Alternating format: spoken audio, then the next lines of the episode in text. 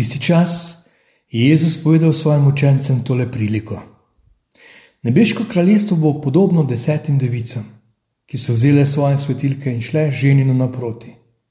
Pet izmed njih je bilo nespametnih in pet preudarnih. Glas pastirja. Obživi, lepo zdrav, 32. nedelja med letom.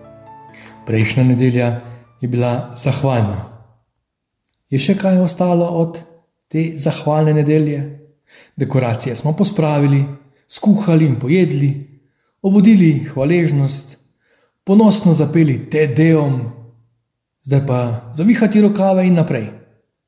Pa zahvalna nedelja ni spominski dan zahvale, ni komemoracija na grobo rajnke nam starke zahvale.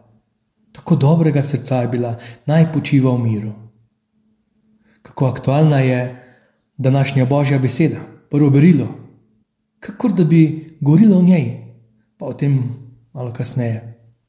Prejšnjo nedeljo nas je Gospod svaril pred hinavščino, nečimrnostjo in zlorabo moči, da bi se ne delali, Jezus reče, govorijo pa ne delajo.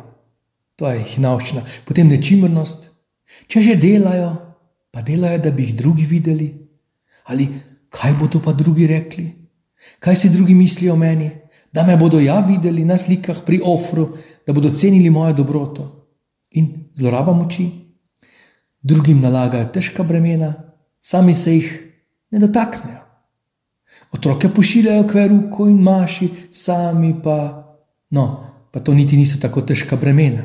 Je pa na robu hinavščine, ali posvečena in pobožna, ali nespametna hinavščina. In še zdravila, terapija, ki jo ponuja Jezus. Namesto razkazovanja, dobro delo dela je na skrivaj. Naj ne bi levica, kaj dela desnica. Namesto dvoličnosti, preprostost. Jezus je v sredo postavil otroka. In namesto moči, služenje. Nisem prišel, da bi mi stregli. Drugače pa imamo kar čudno situacijo v evangeliju. Device in ženina. Ženin vabi na svatbo, pa mimo grede zamuja, zelo zamuja.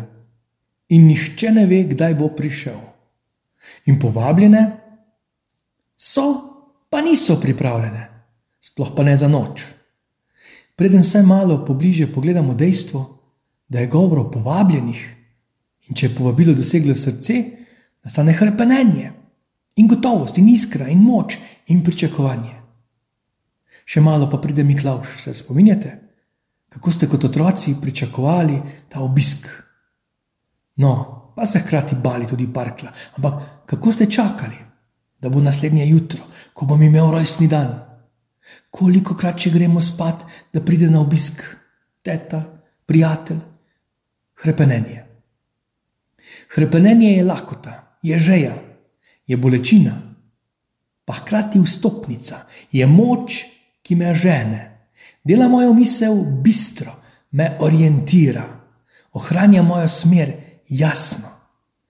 Zaradi hrepenenja nisem mlačen, zaradi hrepenenja se ne bojim posta, se ne bojim teme, niti lastnega greha. Hrepenenje po miru, po svobodi, po sreči, po življenju, po Bogu, je mnogo močnejše kot razvajenost tega sveta in miki tega sveta. Pa kdo bo še čakal na ženina? Če imamo doma praznovanje in veselico in obilje vsega, kar je v dnevni sobi, pico in torto, šampanci in sokove. Če že gremo na pot, imamo razno razno razsvetljavo mogoče ni za na pot, ampak sveti pa. Okoli nas polno svetlih ekranov in sporočil, obvestil in navodil. Zato toliko bolj zaboli beseda na koncu evangelija, ki me spominja še na en prav tako pretresljivo, žalosten dogodek v Jezusovem življenju. Ko Jezus stopi v sredo in se začne bližati temu osebnemu razodetju, tej množici, da bi ga lahko prepoznali kot misija, kot božjega da je on tisti, ki ga čakajo in v njem govorijo pisma in preroki. On tisti, po katerem hrepenijo in jim ga oče daje, ga vsi v besu zavrnejo in odvedejo na prepad hriba. Ni samo nevljudna zavrnitev, obsodba je. Ni nehvaležnost, je izgon. Postanejo ateistični katoličani. In ta boleč stavek, dejstvo, on pa je odhajal. On, ki je prišel, da bi bil tu med nami, Emanuel, da bi nišče, ki je obok, ne bil sam, nišče, ki obupuje, ne bil prepoščen obupu, nišče, ki ima zlomljeno srce, ne ostal neljubljen, on je odhajal. In danes, Matej 25, ne poznam vas. Kako zaboli. Ne poznam vas proč izpred mene, se še lahko nadaljuje. Tesnoba, strah, negotovost. Me bo Bog prepoznal, ko me bo pogledal v oči. Predstavljajte si, da stojite, recimo, vse človeštvo stoji pred svetovnim sodiščem ali pred delegacijo iz vesolja in presoja vsakega človeka. Ali pa si predstavljate, da iz oči v oči gledate divjo zver, tigra, deset centimetrov proč od tvojega obraza. Si za plen ali njegova družba? Te prepozna ali ne? Bog ni dobrohoten, senilen starček, dobričina, nekaj med božičkom in detkom razum. On misli smrtno resno in je strah zbojajoče. Koliko ste pripravljeni darovati za dosego svojih ciljev? On je daroval svojega sina, da bi mi bili rešeni. To se ne samo tako reče. Si upam razmišljati v tej smeri, da sem vreden. V narni zgodbi so iskali kralja in ko so našli, je ta rekel: Nisem vreden za kralja. In ravno tisti, ki je delil kraljevsko dostojanstvo, rekel: To je prvo znamenje, da si primeren. Asociacija, ko naročamo mašo. Že tu smo se ujeli v zanko. Kaj je maša? Je ne samo spominjanje, ampak obnavljanje, ponavzočanje, obhajanje, ni imitacija, je resničnost. Česa? Darovanja Jezusa Kristusa, njegovega darovanja, njegove smrti. To je moje meso, to je moja kri, ki se daje za vas. In je hkrati ustajenje in poveličanje. In mi to naročamo, mi to plačamo. Nekako se poskušamo upravičiti z dikcijo dar za mašo, kar je res. Je pa tudi res, da je ta dar namenjen preživljanju duhovnika. Zakaj o tem? V evangeliju nespametne in preudarne device. Na zunaj vse na istem. Dejansko se v njihovem življenju do sedaj še ni zgodilo, da bi bile povabljene na tak način na svadbo. Tako se samo reče, tudi svetilke so zgolj simbolične, gre za običaj, lep običaj. In tako so pred nami delali.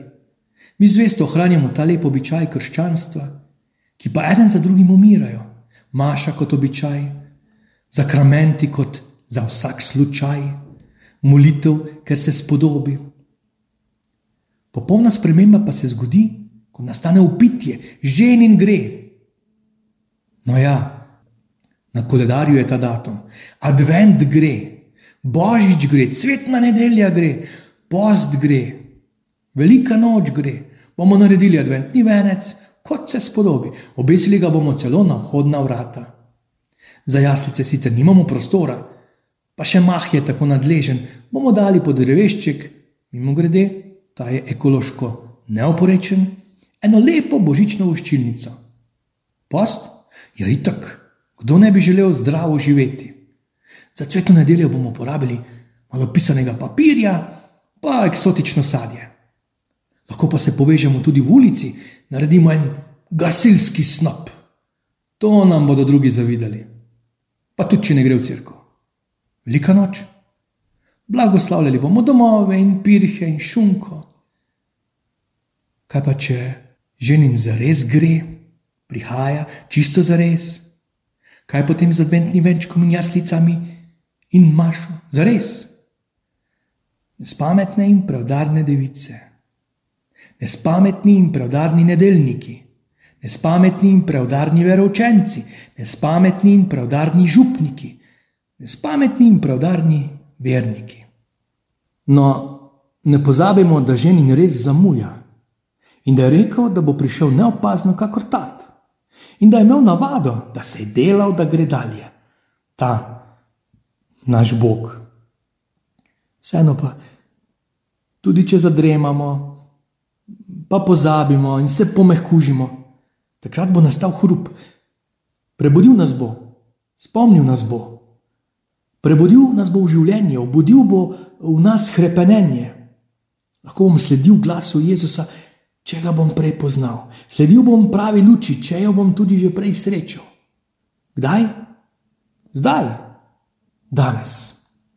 Zato se ne bomo vdali žalosti, drugo berilo, oprti na njegovo besedo.